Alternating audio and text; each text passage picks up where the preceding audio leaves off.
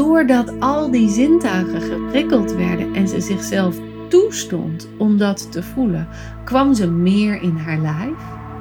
En doordat ze meer in haar lijf kwam, ging de levenslust aan.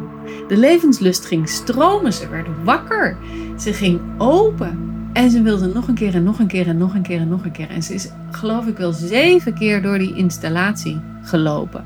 Met en zonder mij. Welkom bij de Sensueel Belichaamd Leiderschapspodcast met Janneke Robers. Dit is de podcast voor vrouwelijke coaches en leiders die zichzelf willen bevrijden van eeuwenlange conditioneringen die hen klein houden. En de podcast die je ondersteunt in het ontwaken van je volle vrouwelijke potentieel.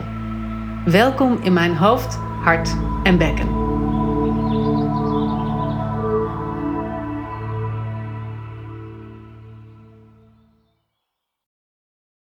Afgelopen zondag was ik in Doornburg, de buitenplaats voor kunst en wetenschap in Maarsen. Het is echt een fantastische plek op een oud landgoed waar een voormalig klooster is omgebouwd tot een plek waar nu exposities worden gehouden.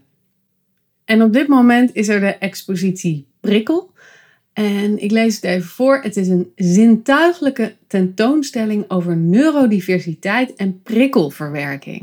Nou, dat is natuurlijk super interessant voor iemand zoals ik, die heel veel werkt met sensitiviteit, met sensualiteit, wat voor mij een vorm is van genieten van dat wat je met je zintuigen ervaart. Dus genieten van de prikkels die je ervaart. En ik wilde er ook graag heen, omdat ik natuurlijk een achtergrond heb in de theaterwereld en vooral in het zintuigelijke theater. Als je de eerste twee afleveringen hebt geluisterd van deze podcast, dan weet je dat. Dan weet je dat ik theaterproducent ben geweest. En dat in de voorstellingen die ik begeleide, altijd het publiek centraal stond. En dan niet in de zin van dat een publiek de toeschouwer is van dat wat er gebeurt op het podium, maar dat het publiek echt actief onderdeel was van dat wat er gebeurde. Dus het publiek deed mee. Het proefde dingen. Het maakte geluid.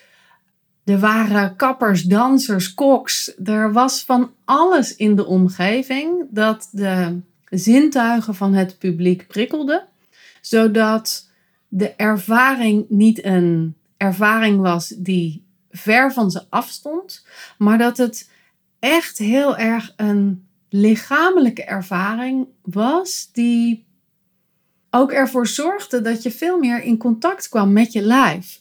En dat is voor mij nog steeds een belangrijk onderdeel van de manier waarop ik werk. Natuurlijk doe ik persoonlijke ontwikkeling. Ik maak geen theater. Maar ik ben wel steeds bezig met hoe kan ik de omgeving nou op zo'n manier creëren dat mensen zich heel erg bewust worden van dat wat er aan de binnenkant gebeurt en hoe ze van binnenuit weer naar buiten kunnen stappen. Dus als twee van mijn favoriete theatermakers, Roos van Geffen en Boukje Zwijgman, het hebben over prikkels en hoe onze samenleving steeds meer onder druk staat en hoe we allemaal weten dat die impulsen van buitenaf iets met ons doen en dat zij daar iets over gaan maken, ja, dan ben ik natuurlijk nieuwsgierig en dan wil ik gelijk gaan. Nou ga ik je in deze aflevering geen theaterrecensie opdreunen. Dat is wat ik ooit deed. Maar ik wilde wel een ervaring met je delen. Ik wilde eigenlijk twee ervaringen met je delen die ik heb meegemaakt op die expositie. En waarvan ik denk dat ze super boeiend zijn om te weten en vooral om te reflecteren op hoe werkt dat bij jou en hoe ga jij met dit soort dingen om. Omdat beide ervaringen zo ontzettend veel zeggen over hoe we geprogrammeerd zijn om om te gaan met prikkels. En we weten allemaal dat we in een wereld leven waarin er superveel prikkels zijn, waarin overprikkeling, om het zo maar te zeggen, een echt ja, hedendaags probleem is. Ik denk eigenlijk dat het iets anders zit. Daar heb ik ook al een eerdere aflevering over gemaakt. Ga die even luisteren als je mijn visie wil weten over hoogsensitiviteit en gevoeligheid. Maar het is wel degelijk iets wat de aandacht heeft. En we weten allemaal dat als het over aandacht gaat, dat we die zelf veel te weinig hebben. En dat we weinig focus hebben. En dat alles wat er buiten ons gebeurt zo'n hoog tempo heeft, zo'n hoge impressie-indruk heeft. Dus er komt veel op ons af. Het komt snel op ons af. Het komt te hard op ons af. Als ik naar de bioscoop ga, dan neem ik sowieso altijd oordoppen mee, want dat ding staat altijd te luid. Dus het is heel logisch dat we bezig zijn met hoe kunnen we die overprikkeling, om het zo maar even te noemen, buiten ons houden. En om het kort te zeggen, volgens mij gaat het niet over die overprikkeling buiten ons houden, maar voor mij gaat het over hoe gevuld zijn we aan de binnenkant, hoe in contact zijn we met ons lijf, hoe bewust zijn we van onze fysieke processen in ons lijf. En als we dat veel meer doen, kunnen we veel beter die druk, want het is, het is niet een overprikkeling, het is een druk van buitenaf aan. Dus als de druk aan de binnenkant groot genoeg is, kunnen we de druk aan de buitenkant ook prima aan. Nou, wat gebeurde er? Ik stond te kletsen met Roos van Geffen bij haar installatie. En zij heeft een aantal gipsen afdrukken van haar kaken opgehangen en daar een elektronisch apparaatje aan gemaakt, zodat die kaken de hele tijd over elkaar heen knarsen.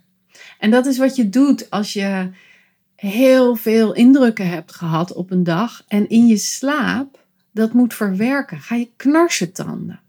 Die kaken, die, ja, die vermorzelen als het ware de ervaringen van de dag.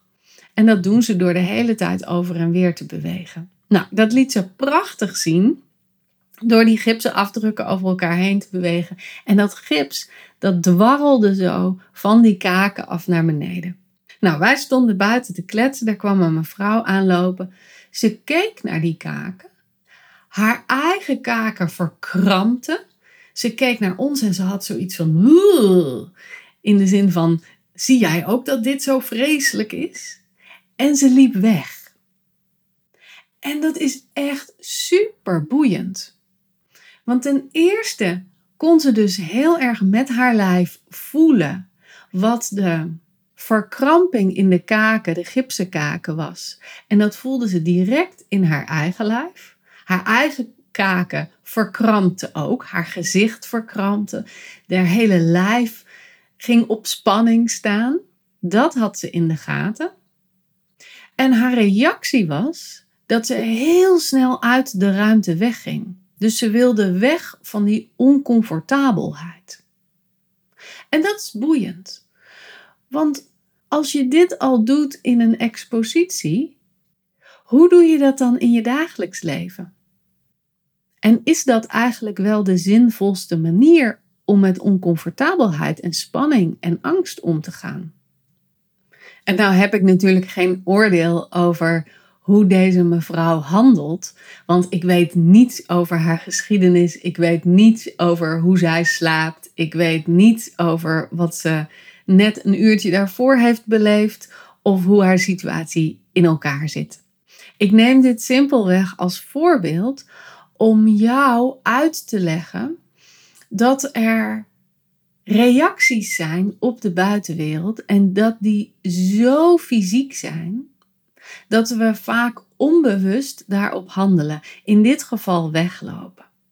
Maar hoe zou het zijn om te blijven staan en te gaan observeren? Oh, mijn kaken verkrampen. Oh, ik vind dit eigenlijk heel gruwelijk om naar te kijken. Ah, en wat zegt dat over mijn spanning? Wat zegt dat over mijn prikkelverwerking? Wat zegt dat over hoe mijn lijf geprogrammeerd is. En ook, zou ik hiervan kunnen genieten? Zou ik kunnen genieten van dat er iets van spanning gebeurt in die kaken voor mij, buiten mij, die niets met mijn lijf te maken hebben? En kan ik dan zelf nog ontspannen blijven terwijl ik daarnaar kijk? Dus dat ik kan voelen van hé, hey, er is een afgescheidenheid tussen dat wat buiten mij speelt en dat wat binnen mij speelt. Want als je dat kunt in een installatie, dan kun je dat ook gemakkelijker als je dat in interactie met andere mensen ervaart, waarin het niet een kunstinstallatie is. Dus als je bijvoorbeeld in een begeleidingssessie zit en je klant vertelt een gruwelijk verhaal of een verdrietig verhaal of een pijnlijk verhaal en jij zit er op de stoel naar te luisteren. Als je dan zo reageert zoals deze mevrouw bij deze expositie, dan ben jij dus weg als coach. Dan ben je niet meer een begeleider. Je hebt een bepaalde gevoeligheid op te roepen voor je klant. Dus je hebt mee te voelen met je klant. Maar je hebt niet mee te lijden met je klant. En dat was wat deze mevrouw deed. Ze leed mee met die knarsende kaken. Dus observeer eens bij jezelf hoe dat werkt. En het tweede interessante ding dat ik meemaakte was samen met mijn dochter. Mijn dochter is uh, bijna zeven. Ja, dat is al oud, hè? Oh, ongelooflijk. Ja, het gaat super snel en ik vind het een hele leuke leeftijd. Ik was zeker geen babymama. Dat, uh, dat is niet uh, waar mijn hart van open gaat. Al kon ik heel zacht en liefdevol zijn, dat zeker. Maar ik vond die babytijd best lastig. En ik vind het nu heel leuk worden. En vooral ook omdat ze dus nu meegaat in ons leven. En ze vond het super leuk om mee te gaan naar die expositie. Ze vond het niet leuk om met al die kunstenaars te praten. Maar ze vond het wel leuk om ja, die indrukken en, en die nieuwe ervaringen mee te maken. En het eerste wat er gebeurt als je binnenkomt, is dat je een aantal, ja, hoe zal ik het omschrijven, lange druppels ziet hangen. Het zijn super uitgerekte panties met een um, ja, een soort van kilo graan of bonen of rijst erin. Allerlei verschillende. En daar loop je doorheen. Dus je voelt aan die druppels, dat vind ik ook zo heerlijk bij kunstinstallaties, waar je echt de dingen aan mag raken. Oh, dat is heel fijn, omdat dat dus ook jezelf in je eigen lijf brengt. Dus als eerste waren we zo aan het voelen aan die druppels. En dat die druppels tegen je aan kunnen botsen als je ze een zetje geeft. En dat je ze over je huid kan wrijven. En dat de ene wat harder waren dan de ander. De, de ronde bonen waren wat zachter dan de stevige, langgerekte rijst. Nou dat soort dingen. En dan ga je een donkere ruimte in. Waar steeds meer van die dingen hangen. En de ruimte steeds donkerder en steeds nauwer wordt. Nou, stel je dat eens voor. Dus doe misschien even je ogen dicht. En voel dat er steeds meer tegen je aankomt. En er is steeds meer weerstand om door te kunnen lopen. Het wordt nauwer en het wordt donkerder. En er is ook iets met geur, alleen kan je dat niet zo goed thuisbrengen. En dan mijn dochter van bijna zeven, die dus niet weet wat er gaat komen. En ik weet ook niet wat er gaat komen, dus ik kan het er niet uitleggen. En die de donkerte nog steeds heel spannend vindt. En eigenlijk wil alles in haar lijf weg. En ze zegt het ook. Mama, ik wil niet verder. Mag ik terug? Nou, wij zijn daar met z'n drieën, dus we willen even kijken in hoeverre we haar mee kunnen nemen. Dus een hand vastpakken. Gaat dat? Ja, nee, dat wil ik eigenlijk niet. Um, op de rug zitten. Ja, maar dan kunnen we eigenlijk niet meer door. Dat werkt niet. Dus we staan daar een beetje te hannesen in dat begin. En op een gegeven moment zeg ik: Nou, kom maar, ga maar voor me lopen. En dan duw ik wel die dingen uiteen. En dan neem ik haar dus tegen mijn hart aan. En ik duw haar met mijn lijf wat naar voren, maar in mijn hart, zodat ze de veiligheid van mijn beschermende lijf kan voelen, van mijn beschermende hart. En dat ik de dingen een beetje aan de kant duw voor haar. Nou, het is, het is spannend en het wordt steeds donkerder en het wordt steeds duisterder. En ze zit nog steeds in die verkrampende fase. En op een gegeven moment, ineens wijken al die dingen uiteen en is er weer ruimte. Het is nog steeds donker. Het is aardedonker, maar er is ineens weer ruimte. Nou, maar dat roept weer iets anders op bij mijn dochter. Van wat gaat er nu komen? Ik weet het niet. Ik blijf stilstaan. En ik voel, want ik weet dat je met je handen om je heen moet voelen, dat het een tastbare expositie is. Dus dat je echt je zintuigen moet laten spreken en moet openen. Dus ik voel ineens aan de zijkant een heel zacht bondje. En ik neem haar hand en ik laat haar dat zachte bondje voelen. En dan ontspant haar lijf een beetje. En ik kan voelen dat ze wat meer afstand van mij neemt, omdat ze voelt: hé, hey, deze buitenwereld is wat zachter dan waar we ons net doorheen hebben gevrongen. En samen lopen we weer wat verder. De vloer beweegt, de vloer gaat omhoog. Er komen een soort van kattenstaarten uit de lucht op ons gezicht vallen. En we werken ons steeds meer door die tunnel heen. En dan wordt het ineens heel erg licht. En er zijn glimmende gordijnen waar we ons doorheen moeten werken. En op het laatst is er een goudgele gloed waar we uitkomen. En waar het heerlijk ruikt. En waar het stil en ruim is. En waar we voelen, ah, we hebben het doorleefd. En we lopen de deur uit. En het eerste wat mijn dochter zegt is: Mam, mag ik nog een keer? Mag ik nog een keer er doorheen? En echt op zo'n hele kinderlijke, levenslustige, genietende manier. En dat was zo interessant, omdat haar zintuigen werden dus aan alle kanten geprikkeld, werden wakker gemaakt. Het was spannend. En ze heeft ergens in zichzelf de veiligheid gevoeld om samen er doorheen te gaan. En doordat al die zintuigen geprikkeld werden en ze zichzelf toestond om dat te voelen, kwam ze meer in haar lijf. En doordat ze meer in haar lijf kwam, ging de levenslust aan. De levenslust ging stromen, ze werd wakker, ze ging open. En ze wilde nog een keer en nog een keer en nog een keer en nog een keer. En ze is, geloof ik wel, zeven keer door die installatie gelopen. Met en zonder mij. En steeds opnieuw werd er een plezier in haar wakker dat steeds groter werd. En ze ging ook steeds sneller door die installatie heen. En dan weet ik dat hoe sneller ze er doorheen gaat, hoe minder effectief ze voelt. Hè? Hoe minder je heel erg bewust bent met wat er om je heen gebeurt. Dus ik ging ook zeggen van, hey, heb je ook geroken? Er is ook een ander geurtje. Oh ja, dat ga ik de volgende keer doen, mama. Dus zo hebben we onze kinderen ook te leren om echt bewust te zijn van wat gebeurt er nou met onze zintuigen. Maar ook hebben we onszelf te laten verrassen door de levenslust die wakker kan worden bij onze kinderen. En dat we ons daardoor ook laten aanwakkeren. Want dit is wat er gebeurt als je sensualiteit toelaat in je leven. Als je zintuigelijkheid toelaat in je leven.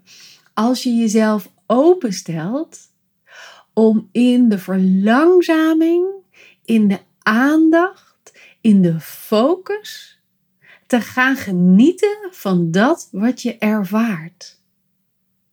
En precies hetzelfde had de vrouw bij de knarsende kaken kunnen doen.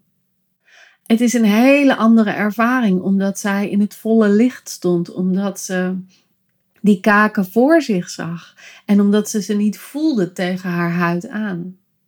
Maar ook daarin kun je genieten van dat wat je zintuigen je vertellen.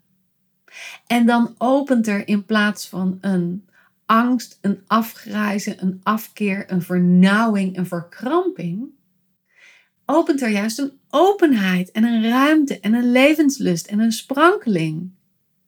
Ook al is de ervaring tussen aanhalingstekens negatief. Want die was er ook toen wij door die tunnel heen liepen.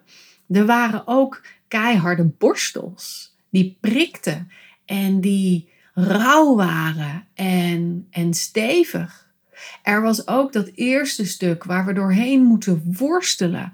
En waar we voelden, hé, hey, er is, is weerstand. Ik mag niet. Of, of er is een geslotenheid waar ik doorheen moet. En er was ook het onheimische van dat de vloer ging trillen en bewegen. En dat er knarsende delen onder onze voeten waren. Dus daar was ook de mogelijkheid om in de verkramping en de vernauwing te gaan. Maar we gaven onszelf de ruimte om dat juist niet te doen, om het anders te ervaren. Deze expositie is er nog tot 7 januari. Dus je kunt ook zelf gaan kijken en zelf gaan onderzoeken hoe jouw zintuigen geprikkeld worden, wat jouw reactie is in je lijf, hoe je ermee omgaat. Maar je kunt natuurlijk ook in je dagelijks leven veel meer gaan opletten hoe jij heel bewust op je fiets zit bijvoorbeeld en de trappers laat bewegen terwijl je je voorstelt dat het fietspad een tunnel is waar je doorheen gaat en wat je dan allemaal tegenkomt in die reis op je fiets.